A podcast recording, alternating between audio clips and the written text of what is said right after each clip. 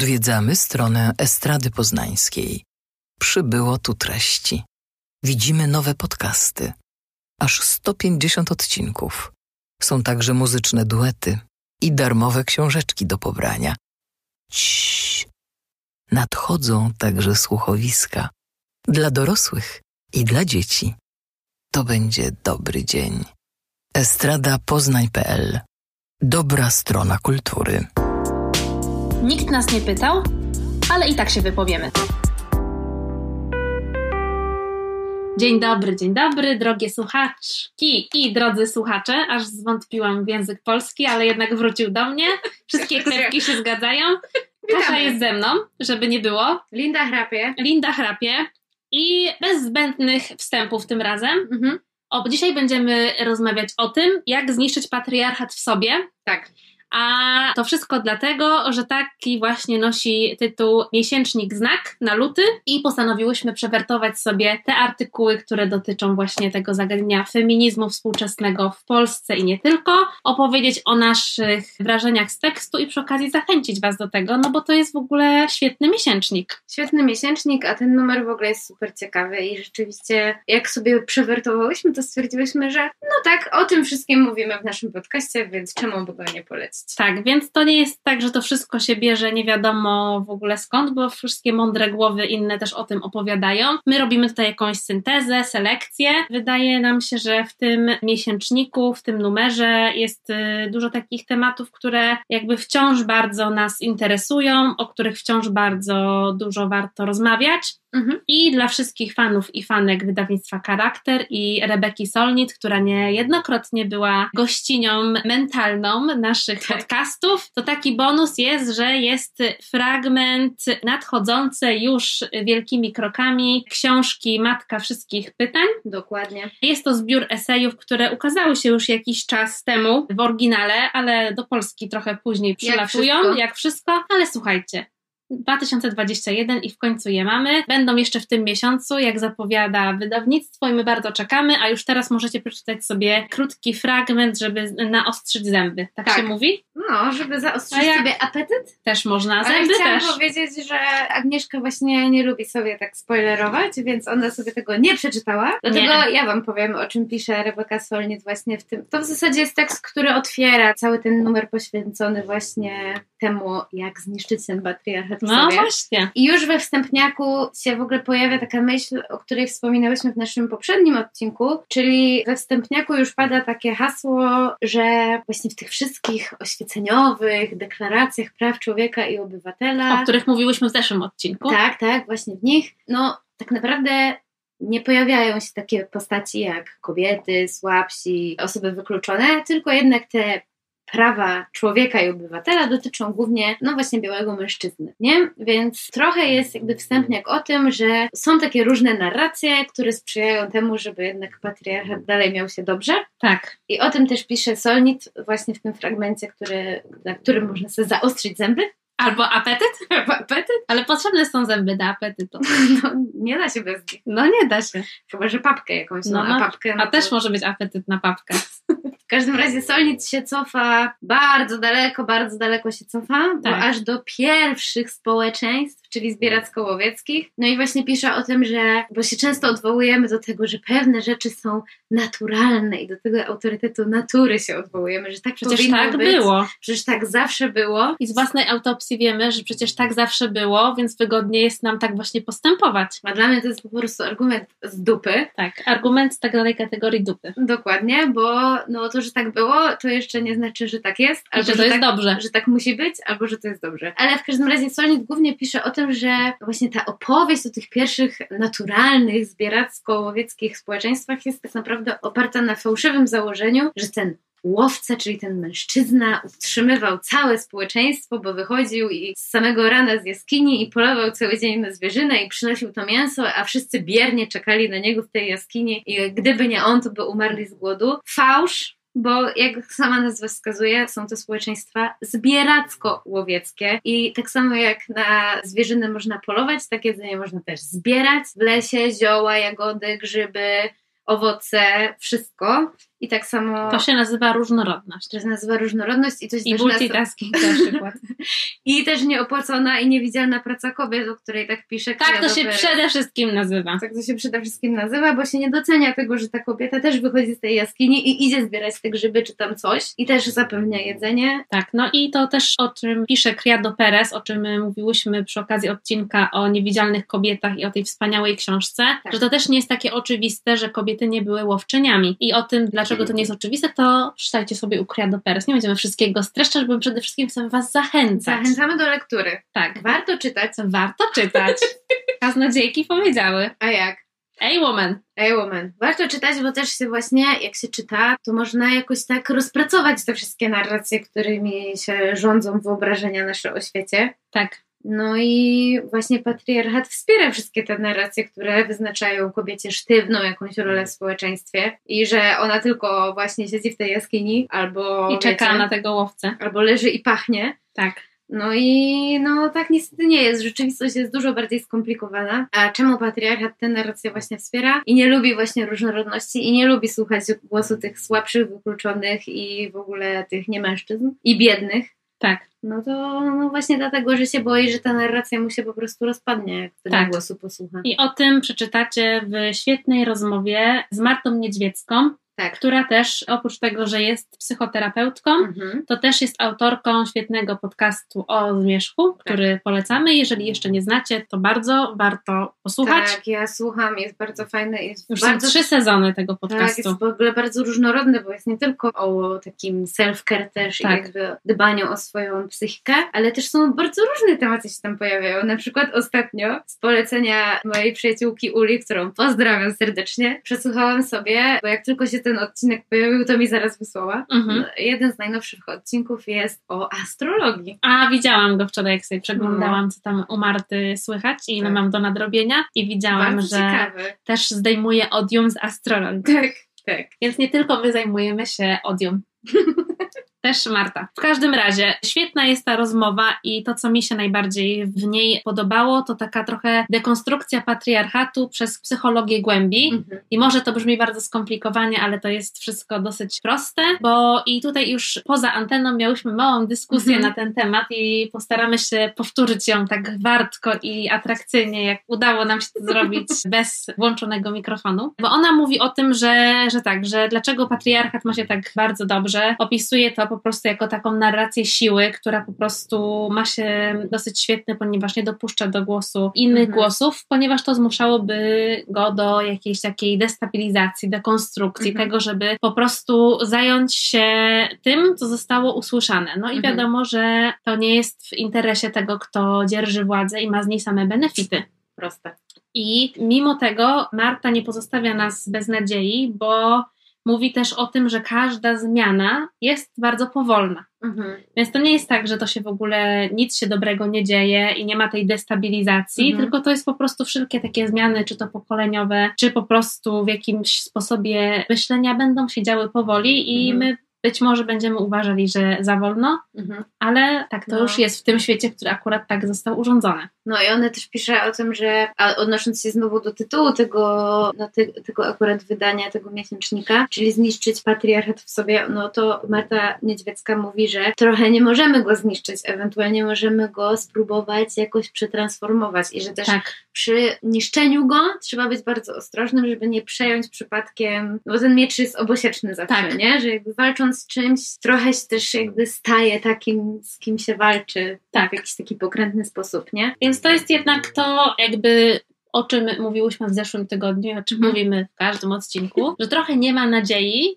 i że albo i Ona jest trzeba. w mroku. Ona jest w mroku, że z jednej strony albo możemy właśnie, tak jak Marta mówi, zmienić ten patriarchat i może go przeformatować, jeżeli Mhm. go powoli będziemy nakłuwać i w Mhm. ogóle go trochę, tu trochę utniemy łeb, tu trochę mu nogę utniemy i wyrośnie inna noga, inna głowa, już trochę bardziej Mhm. kolorowa, różnorodna Mhm. i z, na przykład z dodatkowymi parami uszu do usłyszenia jakichś innych Mhm. głosów, ale zawsze jest ta droga, którą proponuje moja ukochana Jessa Crispin, czyli wszystko spalić i żeby na nowo wszystko urządzić. No, to też jest kusząca opcja. To jest kusząca opcja, Mhm. więc słuchajcie, mimo tego, że rzadko dajemy recepty. Pamiętajcie, zawsze są te dwa wyjścia. Czyli powolna transformacja albo albo, albo popiół i wszystko na nowo, ale nie wiadomo, kto będzie tworzyć nowy porządek. No ale właśnie Marta Niedźwiecka proponuje, żeby tak trochę rozwalać, czy tam kruszyć ten właśnie patriarchat poprzez włączenie na nowo, to jest to, co mówiłaś, że jest ta, to hasło z psychologii głębi, nie? Tej zasady żeńskości. Tak. Zasada żeńskości i męskości, które nie są tym samym, czym jest kobiecość i męskość. Tak, to jest jasne. bardzo ważna gwiazdka No. do tego. To są Tak. jakby, dwie siły, dwie zasady, ale nie utożsamiane z płciami. Tak, bo każdy z nas ma dostęp i do męskiego, w cudzysłowie pierwiastka, i żeńskiego. Te siły się jakby przenikają I, powinny być w równowadze, ale Tak. niestety nie są. No i właśnie z tego wynikają trochę problemy w naszej Tak. kulturze. I kapitalizm, i religia, i wszystko. Tak. Trochę za bardzo się opiera na tej zasadzie męskiej, Tak. czyli właśnie tej niesłuchającej, jednorodnej, władza, kontrola, przemoc i w ogóle przebojowość. Tak. A ta zasada żeńskości, one się rzeczywiście stereotypowo kojarzą z tym, co Przypisywane jest kobiece, kobietom. ale to nie jest to samo, kochani. Każdy z nas może mieć dostęp do obu tych zasad i do obu tych pierwiastków. No ale to, co by było charakterystyczne dla tej zasady żeńskiej, która właśnie często na jakichś wczesnych etapach kultury jest niedowartościowana Tak. albo w ogóle nie brana pod uwagę, to by było zrozumienie, relacyjność, opieka, wspólnota, kontakt, rozmowa. Czyli też relacyjność. Ona Tak. mówi bardzo dużo o relacyjności, Mhm. czyli wchodzeniem w dialog. I właśnie Mhm. To jest y, jakby największa luka w tym Mhm. systemie patriarchalnym, czyli brak tego wychodzenia Mhm. na zewnątrz. Że Tak. to wszystko jakby skupione jest w centrum, bardzo skupione na takich rzeczach, które absolutnie są głuche na to wszystko, co się znajduje Tak. na zewnątrz. W ogóle nie podlegają dyskusji. Tak, Czyli Mariusz Max Kolonko mówi jak jest. no dokładnie. No, Bo on już wie. on wie i jakby po co wy macie się dowiadywać, skoro on wie za was. I on Dzięki- wam powie. Dzięki stary. No i co ważne, na tym braku równowagi między zasadą żeńską i zasadą męską tracą również mężczyźni. bardzo na tym tracą, dlatego że wszystkie takie rzeczy związane właśnie takimi cechami relacyjnymi, w tym, że jest coś poza tymi mężczyznami niż to, co oni mają w sobie, ale też jakby, że jest to na zewnątrz, no to wprowadza ich w taką pułapkę tego, że jakiekolwiek dzielenie się, bycie w Mhm. jakimś sposób emocjonalnym, czy też działanie zespołowe, szukanie rozwiązań na zewnątrz, a nie tylko w sobie, jest w jakiś sposób y, niemęskie, pozbawione jakiejś takiej siły, Mhm. czy jest po prostu słabe, czyli żeńskie. Mhm, No i tak, dzień dobry, mizoginia wchodzi na pełnej. Dokładnie. Ale właśnie my rozmawiałyśmy przed tym o tym, ten właśnie ta dyskusja z zakulis Mhm. Dotyczyła samego nazewnictwa tych zasad, Tak. o których pisze Marta Niedźwiecka. No bo wszystko fajnie, to do, dąży do harmonii, ona bardzo fajnie te metafory siedzą, jeżeli chodzi o opisywanie patriarchatu, ale z drugiej strony ta gwiazdka do tej zasady męskiej i żeńskiej jest dosyć duża, żeby nie mylić Mhm. tego z męskością i, i z kobiecością. No i dlaczego to jest pułapka według mnie? Dlatego, że jak mamy bardzo dużo takich stereotypów wokół tego, czym Mhm. jest męskość i żeńskość skupione. I jakby ten podział trochę to Tak. I niestety takie binarne widzenie świata, czyli że coś jest albo takie, albo takie, albo że są dwie siły, które powinny się uzupełniać. Albo jedna jest lepsza od drugiej. No i właśnie to jakby przychodzi jednak ten podział, który mówi, że któreś jest lepsze Mhm. i Bardziej że pożądane. bardziej pożądane, albo któreś bardziej dominuje, któreś Mhm. jest silniejsze, czyli po prostu lepsze. No i niestety, o ile jakby o tym, o czym też pisze Agata Sikora, o czym rozmawiałyśmy w zeszłym tygodniu, że czasami na świat i na to, w jaki sposób go sobie opowiadamy, trzeba spojrzeć bardziej realistycznie, Tak. że fajnie Reality check. reality check, że to wszystko pięknie brzmi w teorii, kiedy mówimy sobie o polifonii, o wielogłosowości, o tym, żeby po prostu zacząć opisywać ten świat trochę łamiąc sobie język, ale kiedy wiemy, że to Mhm. wszystko jakby oczywiście jest po coś i wierzymy w tę tę pracę, którą wykonujemy, bo zmiana i łamanie języka, no to jest jakby ta trudność związana z czymś nowym jest naturalna. Mhm. Ale potem sobie możemy zadać pytanie, czy naprawdę nie wpadamy w taką pułapkę tego, żeby opisywać, jakby kręcić się wokół tego opisu, a jednak zapominając o istocie sprawy. Mhm. I może czasami takie opisy bardziej dosadne, bardziej proste będą gdzieś tam użyteczniejsze Mhm. w samym problematyzowaniu. Tak, tak, tak. Ja do końca nie jestem przekonana. Obie strony medalu są dla mnie takie, że Mhm. widzę i tę, i tę. Sama zastanawiam się ciągle chyba obie zastanawiamy się Tak. w tym podcaście, jaka będzie najlepsza droga. No ale to chyba o to chodzi, żeby cały czas się zadawać sobie pytanie i testować różne ścieżki. Mhm. I żeby ta mapa nie była jednak jednorodna przez Mariusza Maxa Kolonkę napisana. No właśnie, jakby wiesz, mówimy sobie o tym, że fakt gender, że, Tak. że, że w ogóle jesteśmy już daleko poza opis y, tego, czym jest, czym jest gender, a z drugiej strony jednak ta opowieść na podział męski-żeński mają się dość dobrze w kulturze i może strategią jest też destabilizacja w ogóle samej tej opowieści Mhm. tych dwóch sił, tej płci biologicznej, która i tak jakby no sama, samo zagadnienie płci biologicznej jest teraz wertowane przez naukę, Mhm. no i jakby No ale to się będzie właśnie zmieniać bardzo bardzo, się powoli, będzie nie? zmieniać powoli, ale będzie się zmieniać. No, myślę, że taka jest też trochę tendencja umysłu ludzkiego, żeby sobie rzeczy upraszczać. O tym też gadałyśmy w zeszłym tygodniu, Tak. nie? Że z tej nieskończenie złożonej rzeczywistości, no musimy sobie ją jakoś szufladkować, układać i jakoś ją dzielić i, i też wydaje mi się, że ta tendencja właśnie do binarności, że coś jest takie albo takie, dobre albo złe, białe albo czarne, żeńskie albo męskie, że to jest jakiś taki nawyk myślowy, który odziedziczyliśmy Mhm. lata temu i bardzo wiele teorii ważnych na tym opiera i celnych i trochę trudno jest jakby z tego uciec, nie? Ale no wyzwanie jest właśnie takie, żeby próbować. Tak. I jeszcze ja znalazłam taki krótki fragment, który chciałabym nawet zacytować.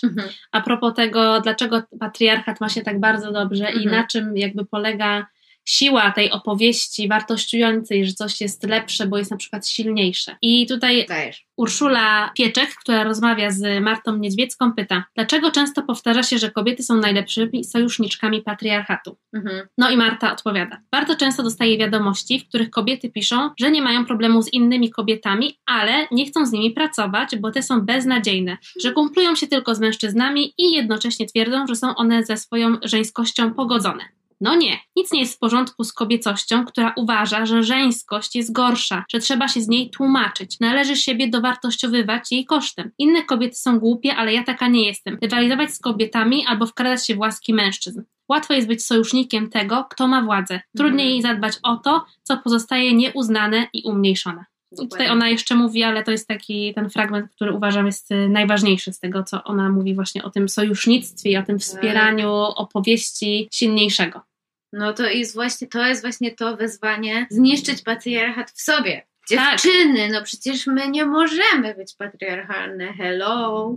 Starajmy się nie być. Ale wiecie, nawet jak się na tym przyłapiecie, No. To tak nie trzeba linczu na sobie odprawiać, A, tylko jakby wiecie, po O, prostu... to już w zeszłym e, tygodniu gadałyśmy. Tak, o nie linczować bo jakby to jest bezproduktywne, tylko po prostu zauważyć jakby Mhm. to, że łapiemy się na takich rzeczach. Trzeba Mhm. po prostu postępować inaczej, starać się. Oczywiście to nie będzie łatwe, no bo Mhm. kalki myślenia są też takie, że nas zwalniają z jakiegoś Mhm. wysiłku i dążymy do tego, żeby nam w życiu było łatwiej i przyjemniej. Mhm. I na treningach, na które ja teraz chodzę, moja pani mówi mi cały czas, że ja dążę do tego, żeby mojemu ciału było łatwo i przyjemnie i wszystko obchodzę tak, żeby się nie narobić. Ale no, takie ciało pospinane i trzeba z tym walczyć, więc wiecie, to się objawia w bardzo wielu rzeczach. Mhm. I tylko, żeby jeszcze pójść dalej, bo jest Mhm. jeszcze dużo innych świetnych tekstów, musimy tutaj przywołać też przykłady, o których pisze Marta Niedźwiecka w realizowaniu takiej polityki, która według niej jest przykładem tego właśnie balansu między tą siłą męs- męskości i żeńskości. Mhm. I ona mówi tutaj właśnie o premierce Finlandii A, tak, tak. i premierce Nowej Zelandii. Mhm. I o tych dwóch wspaniałych kobietach mówiłyśmy w podsumowaniu roku, więc Tak. jeżeli chcecie, to możecie się cofnąć do tego odcinka, jeżeli go jeszcze nie znacie. No i ona tutaj właśnie opisuje takie jakby sposoby działania polityczek, które w ogóle są nie do wyobrażenia na polskiej scenie politycznej, to w ogóle 200 lat myślę. No, lekko. Lekko. I na przykład Sanna Marin, premierka Finlandii, podczas pandemii zorganizowała telekonferencję, wideokonferencję z dziećmi, Mhm. Żeby wytłumaczyć im, z czym teraz mierzy się kraj, czego dotyczy pandemia i dlaczego nie mogą teraz y, spotykać się ze swoimi kolegami w szkole, ze swoimi dziadkami i dlaczego należy być ostrożnym. No i właśnie podjęła ten trud usłyszenia, czy też skierowania się do tych właśnie słabszych może jakby istot, Tak, które potrzebują innego opowiedzenia o świecie i tego, No. żeby po prostu się nad nimi pochylić i powiedzieć im o co chodzi. Czyli budowanie wspólnoty, komunikację, Dokładnie. I rozumienie, relacyjność. tak, i Polecamy. kolejnym takim świetnym przykładem jest właśnie Jacinda Ardern, premierka Nowej Zelandii, która zorganizowała konferencję prasową, na której przeprosiła za to, że pewne obostrzenia dotyczące pandemii zniosła zbyt szybko i że przeanalizowała swoje działania i uważa, że to był błąd. I Mhm. przeprosiła obywateli, że tak postąpiła i Nie do pomyślenia. Więc jak mówimy to często w naszym podcaście, za moim kolegą Patrycjuszem pospała głowę popiołem. Tak. A jak już wiemy i o czym też mówiłyśmy, to jest Nowa Zelandia jest przykładem jednym z niewielu które, państw, które sobie świetnie poradziły z pandemią. Mhm. Więc hello! Więc można też uprawiać taką politykę, która słucha, mówi, rozumie, potrafi Przyznaje się do błędów, potrafi Dokładnie. analizować i wyciągać wnioski. Więc słuchajcie, to nie jest tylko tak, że to jest taka political fiction i w ogóle coś, co w ogóle się nie dzieje na świecie, tylko są już takie przykłady Mhm. takich działań i one rzeczywiście przynoszą efekty. Tak. I o tych efektach zmiany myślenia pisze też bardzo dużo Criado Perez w Niewidzialnych Mhm. Kobietach i wystarczy przywołać słynny przykład z odśnieżaniem. Tak. Jeżeli nie wiecie o co nam chodzi, to musicie cofnąć kilka odcinków, kiedy opowiadamy o nim, no bo to jest w ogóle, to pokazuje jak drobna zmiana, jak przesunięcie trochę na szachownicy, Mhm. czy tam po prostu przekierowanie trochę tego obiektywu na inną optykę, no to po prostu od razu mówisz sobie, wow, można inaczej. Można inaczej. A w ogóle na czasie o, ten fragment o odśnieżeniu, bo ja dzisiaj brnęłam przez zaspy, prawie sobie kostki powykręcałam i w ogóle klełam jak szewc, bo wyjątkowo pojechałam do pracy tramwajem, a nie rowerem, ale no, na rowerze też bym nie miała łatwo, ale po prostu no, ciężko się wędruje przez ten śnieg, no a można po prostu... Tak. Jak się jedzie e, samochodem, to jest łatwiej. Tak, i na koniec Marta nawet daje receptę, jak rozpoznać patriarchat w sobie O, i co z tym robić, ale tego nie zdradzimy. To zachęcam Czemu? już do lektury. No bo żeby ktoś przeczytał, no bo wszystko opowiemy i co? Czy mam, czy mam przeczytać receptę? przeczytaj No receptę. dobra, no to namówiłaś mnie Kasia. Daj sobie. Rozpoznawać w sobie to wszystko, o czym mówiłyśmy. Jak traktujemy sami siebie opiekuńczo, czy zarządzamy i nadużywamy. Jak pozwalamy innym traktować nas. Z szacunkiem czy bez. Jak wychowujemy dzieci. Ze starego klucza, czy chcemy się czegoś nauczyć.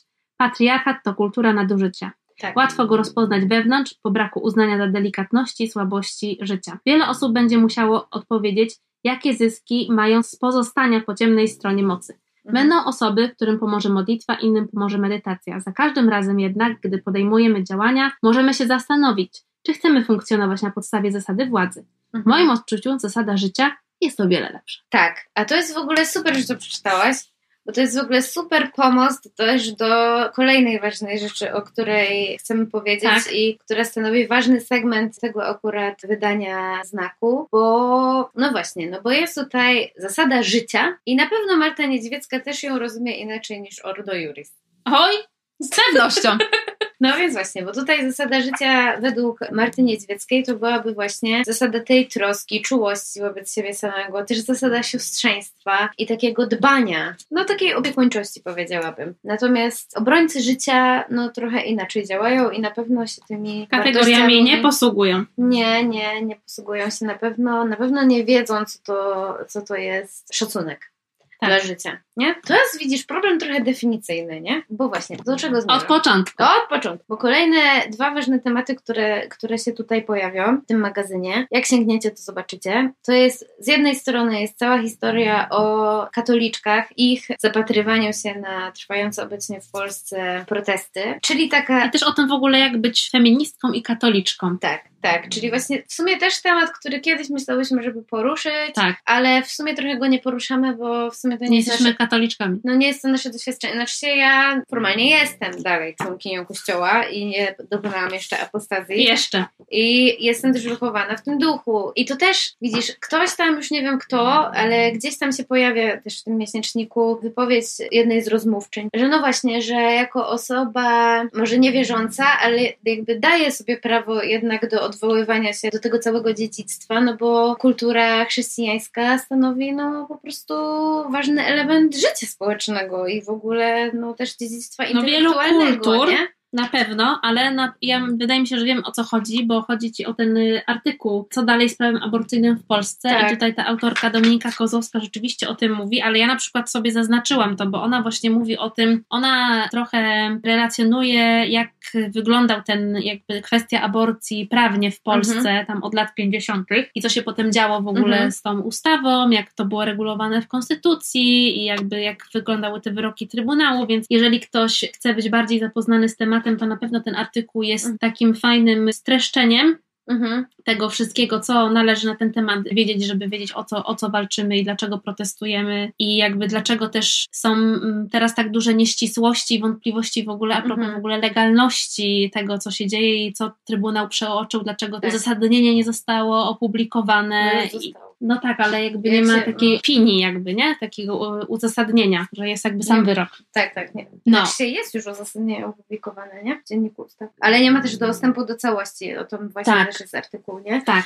Ale właśnie, O to chodzi. bo pije też do tych sporów definicyjnych, które rzeczywiście się pojawiają w artykule, który tutaj przywołujesz, czyli gdzie się zaczyna tak naprawdę życie w cudzysłowie, nie? No tak, i Gdzie ona, się ona też... człowiek, bo to jakby moim zdaniem problem z aborcją w Polsce jest właśnie taki, że ludzie po prostu mają niespójne definicje tego, czym jest dziecko, kim jest człowiek i że to nie jest to samo co płód, zgota albo zarodek. No nie jest to samo, ale też jakby ona mówi w ogóle o stanowieniu prawa i o tym, co może wpływać na tą taką wizję tego społeczeństwa uczestniczącego, tej Mhm. demokracji obywatelskiej, uczestniczącej i o tych różnych narzędziach, które daje nam demokracja do przeprowadzenia debaty, do Mhm. jakiegoś zbierania opinii i Mhm, też mhm. po prostu takiego panelu eksperckiego, który miałby Tak. wyjaśnić. Ona też tu przywołuje ten przykład tego, jak sobie Irlandia z tym poradziła i że to Mhm. można przeprowadzić, ale moja jedna zasadność była taka, moja wątpliwość dotyczyła tego, że to prawo, jednym jego fundamentów musi być moralność. Aha, No i teraz tu się zaczynają schody. tak? No bo jakby ta moralność, jakby czy ona jest ufundowana na takich zasadach, które czerpiemy jednak z religii chrześcijańskiej, czy jednak z katolickiej, bo to są jednak Trochę różne rzeczy. trochę różne rzeczy. No.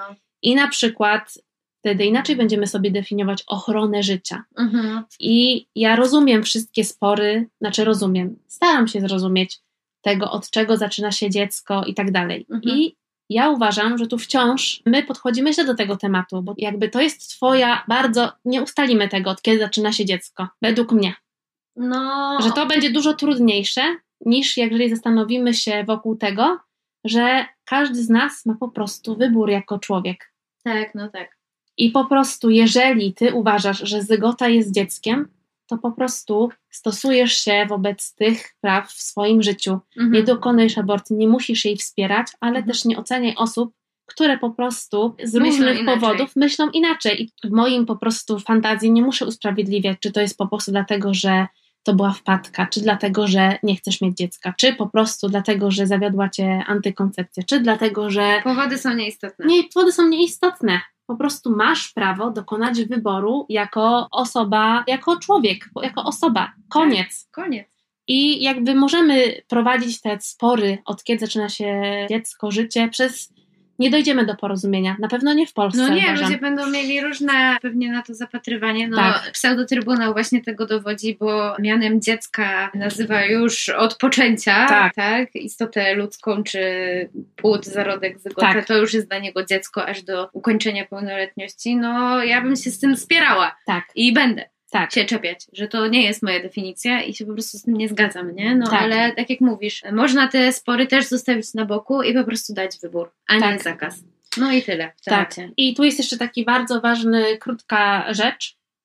Ona mówi też o tym, czego w Polsce nie ma, jeżeli chodzi o samą taką, o system op- opieki i w ogóle wobec kobiet. Mhm. jeżeli chodzi w ogóle o tematy na przykład macierzyństwa. No to ona mówi, że obowiązkiem i zadaniem państwa jest nie tylko zapewnić kobiecie dostęp do bezpłatnej i powszechnej opieki zdrowotnej, szczególnie w trakcie ciąży i w okresie okołoporodowym, na którą składa się między innymi dostęp do najnowszych badań pozwalających obrazować stan płodu przebiegu ciąży oraz wsparcie psychologiczne. Ochrona życia obejmuje również rozwój neonatologii pozwalającej leczyć leczyć i operować wady płodu tam, gdzie to możliwe oraz dawać szansę na przeżycie dzieci urodzonych przedwcześnie bez stosowania Mhm, uporczywych mhm, terapii. Mhm. Równie ważnym aspektem ochrony życia jest przeciwdziałanie przemocy w rodzinie, dostępność rzetelnej i opartej na wiedzy edukacji na temat ludzkiej płodności, zdrowia reprodukcyjnego, w tym chorób przenoszonych drogą płciową oraz rozwoju ludzkiej seksualności. Hello! Więc jakby to nie tylko jakby... Ja bym jakby... do tego jeszcze dodała ochronę życia właśnie już narodzonego i istniejącego, czyli Dziękuję. prawa osób niepełnosprawnych. Właśnie to sobie tutaj dopisałam. Zobacz, a gdzie jest kwestia rodzin z dziećmi No niepełnosprawnymi? dokładnie. Dlaczego nikt już nie matek. pamięta nikt o nie tych protestach? życia?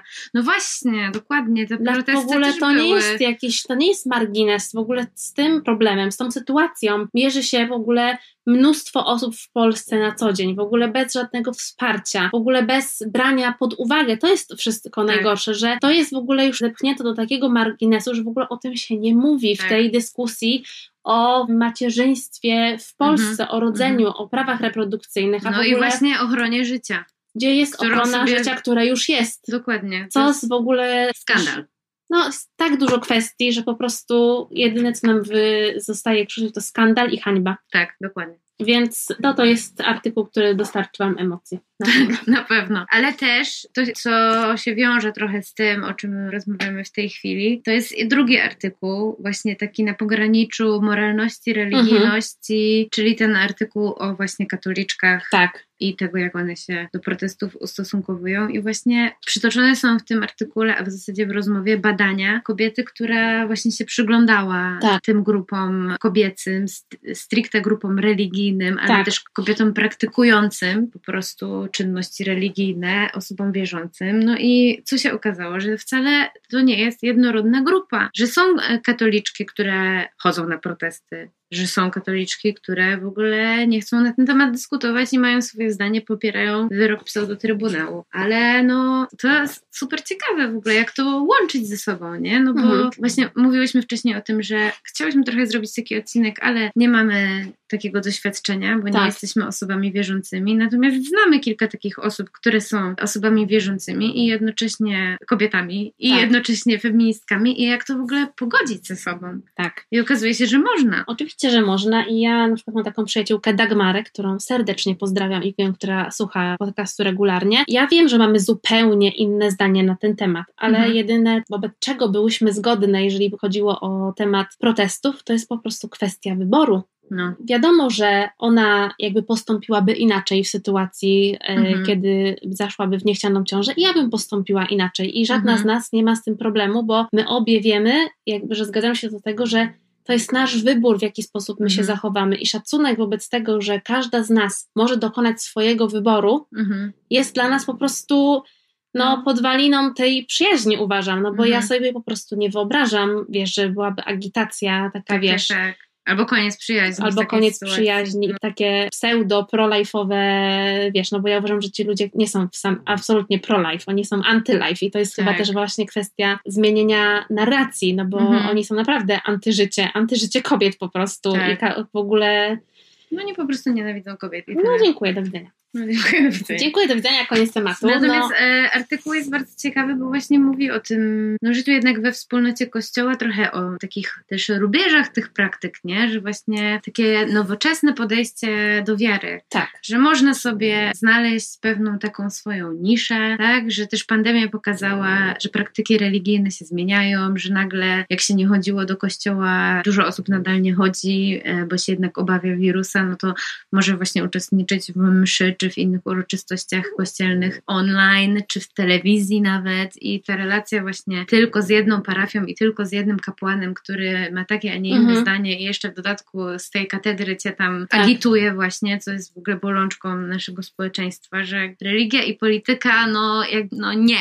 no ale w Polsce to jest jedność. No, to jest właśnie jedno. Ale ona też właśnie mówi o tym takich poszukiwaniach Mhm. tej takiej sfery duchowej w przestrzeni Mhm. internetu i o tym, Tak. że jest dużo kaznodziejów, publicystów, publicystek, blogerów, blogerek, Mhm. którzy po prostu wypełniają tę lukę właśnie kaznodziejską, tą potrzebę rozmawiania o wierze, o Mhm. nauce Kościoła, przeżywania też tego roku liturgicznego Mhm. w taki sposób, który jest nastawiony na jednak jakość, a nie na odbębnienie rytuału, nie? Mhm. Mhm. Ale też ja miałam takie wrażenie, nie wiem czy ty też miałeś, że to było badanie jednak takich bardzo uprzywilejowanych, raczej białych Mhm. kobiet z klasy średniej, które mogą sobie pozwolić na Tak, jakieś takie, tak- wiesz, że to jest taki rodzaj Mhm. self-care, że jednak jestem matką, ale mój mąż super zarabia, więc ja po prostu mam czas dla siebie i mogę Mhm. zastanawiać się nad różnymi rzeczami. Mhm. Oczywiście te badania są też po prostu takie kobiety, więc to nie znaczy, że w ogóle trzeba tym gardzić i Mhm. absolutnie na ten temat nie rozmawiać, Mhm. ale wydaje mi się, że, że trzeba po prostu doprecyzować, jakiej konkretnie grupy kobiet to dotyczy, bo ja po prostu uważam, że po prostu w przytaczaniu takich badań to się jawi jako takie uniwersalne doświadczenie, a ono Mhm. nie jest uniwersalne, no Mhm. bo kobiety mają bardzo różne doświadczenia. Mhm. Wydaje mi się, że to byłaby kwestia doprecyzowania w tym, chociaż te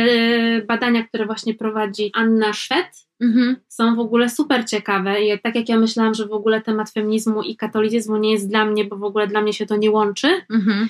no to tutaj jest dużo bardzo ciekawych rzeczy Mhm. i też takiego zauważania, w jaki sposób kobiety są spychane do takich roli po prostu Mhm. osób usługujących, wypełniających tą Mhm. e, niewidzialną pracę, Mhm. podczas gdy mężczyźni są po prostu sprawczy. No, oni są patriarchami No tego właśnie, kościoła. i to jest właśnie dla mnie podstawowy problem. No, a kobiety to są tam do usługiwania im, nie? W Tak. tym kościele. No i tu ona bardzo dużo też fajnych rzeczy opowiada o tym, w jaki sposób i co się kobietom współcześnie nie podoba W kościele. w, w, w kościele. No i to jest po prostu też podejście do macierzyństwa, na przykład jako jedynej roli do spełnienia przez kobiety, nie? Mhm, No bo mhm. też Kościół prowadzi taką narrację, Mhm, biorąc na sztandary Maryję zawsze dziewicę tak. i obchodząc nawet temat zapłodnienia. Tak. No to jakby kobiety już coraz głośniej mówią o tym, że to one nie są tylko matkami, No. że to jest dużo więcej, No i że robią też- inne rzeczy i chcą być postrzegane jako inne. I to jest Tak, to jest podstawowy problem z taką Mhm. nauką Kościoła, nie? Tak, i też oprócz tego, że to jest ta podstawowa rola, którą powinny pełnić, no to też to, że od jednak księdza, proboszcza, czy tam, nie wiem, z tego z parafii, ich najbliższego, no zobaczą tylko i usłyszą od nich taki głos, że to jest taki wyidealizowany obraz tej właśnie świętej rodziny. A no taki kapłan no najprawdopodobniej po prostu nie rozumie, czym jest macierzyństwo, no, No, bo nie ma hello. tego doświadczenia też, Raczej. tak? No, także no, cieka ciekawe badanie, ciekawe w ogóle cały segment o tym. O, i widzę, że otworzyłaś teraz jeszcze na... Żeby chociaż powiedzieć o tym Tak, trochę, bo to jest w ogóle tak. super. To na zakończenie też będzie bardzo fajne. Tak, to jest taki, nie wiem, esej? Trochę, No, taki esej. Trochę esej, nie?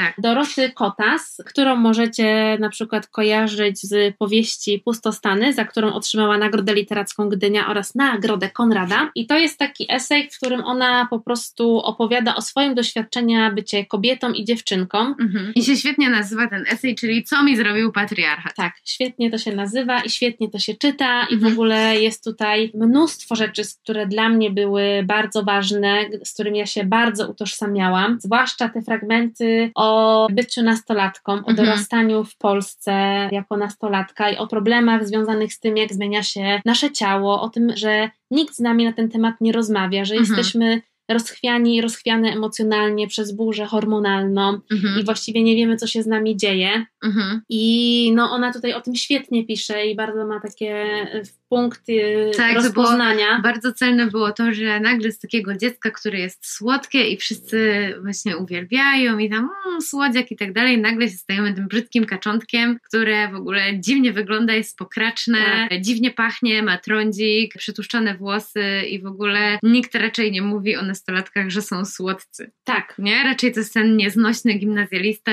czy tam właśnie ten nieznośny nastolatek i nagle po prostu z tego dziecka, który wszyscy kochają, stajesz się tym dziwnym, niechcianym nastolatkiem. To jest rzeczywiście w punkt. dla mnie też świetne było to takie, kiedy ona orientuje się, co to znaczy być w ogóle kobietą i Mhm. kiedy jej taka sprawczość i wizja zostają poddane takiemu sprawdzianowi i ja w ogóle miałam bardzo podobne doświadczenie, więc dla mnie no ten tekst był pod wieloma względami, mogłam się utożsamić z tym, co ona mówi. Myślę, że wiele kobiet będzie tak miało. Jest w ogóle taka kwestia, że ważniejsza jest Twoja hipotetyczna rola jako kobiety, czyli mhm. matki, niż to w ogóle, że możesz zadecydować już teraz sama za siebie na temat swojej przyszłości. Mhm. I ja miałam też kiedyś taki przypadek u lekarza, że miałam mieć propozycję zabiegu, który ewentualnie mógłby mi w przyszłości utrudnić zajście w ciążę. Mhm. No to ja powiedziałam, że w ogóle nie ma problemu, że się decyduję na ten zabieg, ponieważ ja nie planuję być matką. No mhm. i usłyszałam od lekarza, że on już za dużo widział takich historii, że kobiety nie chciały być matkami, a potem płakały.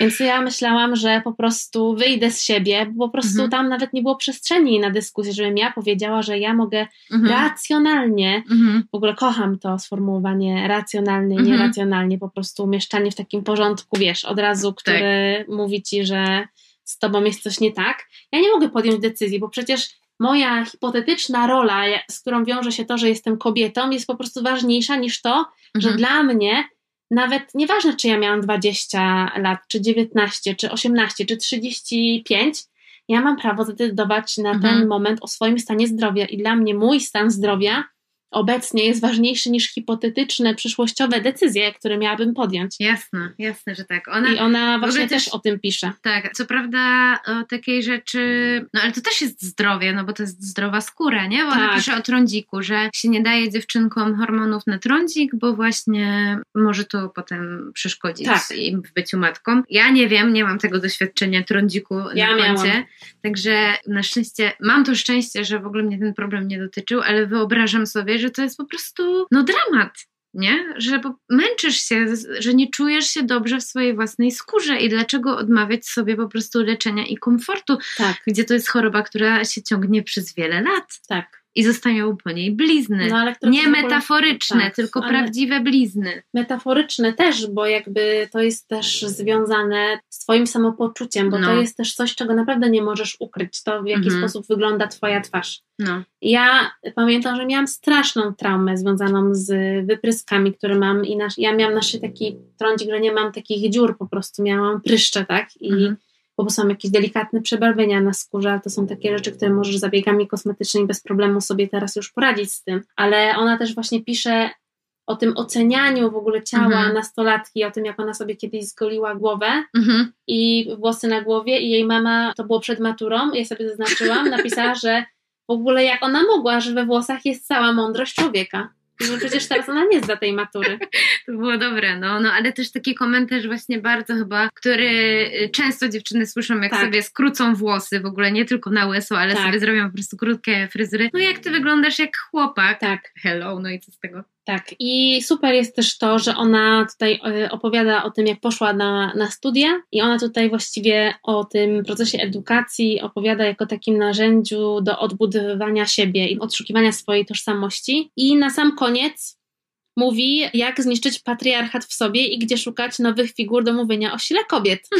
I mówi, że moja propozycja jest taka: radykalne siostrzeństwo oraz żebyśmy wszyscy stali się kobietami, a najlepiej niech to będą lesbijki. Bardzo tęsknię za innym światem, takim, w którym ludzie szanują się i wierzą w swoje słowa, a dzięki temu czują się silni. Taki właśnie świat chcę robić. Niech się zacznie i niech będzie nowy i dobry.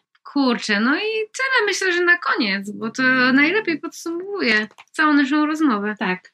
A woman. A woman. I jeszcze tylko, żeby oddać sprawiedliwość, to jest jeszcze takie krótkie podsumowanie dyskryminacji w liczbach, czyli to wszystko, o czym przeczytacie u Credo Perez na dwóch stronach, bardzo dobitne przykłady, mhm. więc jeżeli nie macie siły na przeczytanie całych niewidzialnych kobiet, to chociaż sobie te dwie strony dajcie i niech mhm. was porazi siła patriarchatu i dyskryminacji. Oh jest ale przede wszystkim miłość i radykalne siostrzeństwo i niech będzie dobrze na świecie. Niech będzie ten lepszy świat. Tak jest.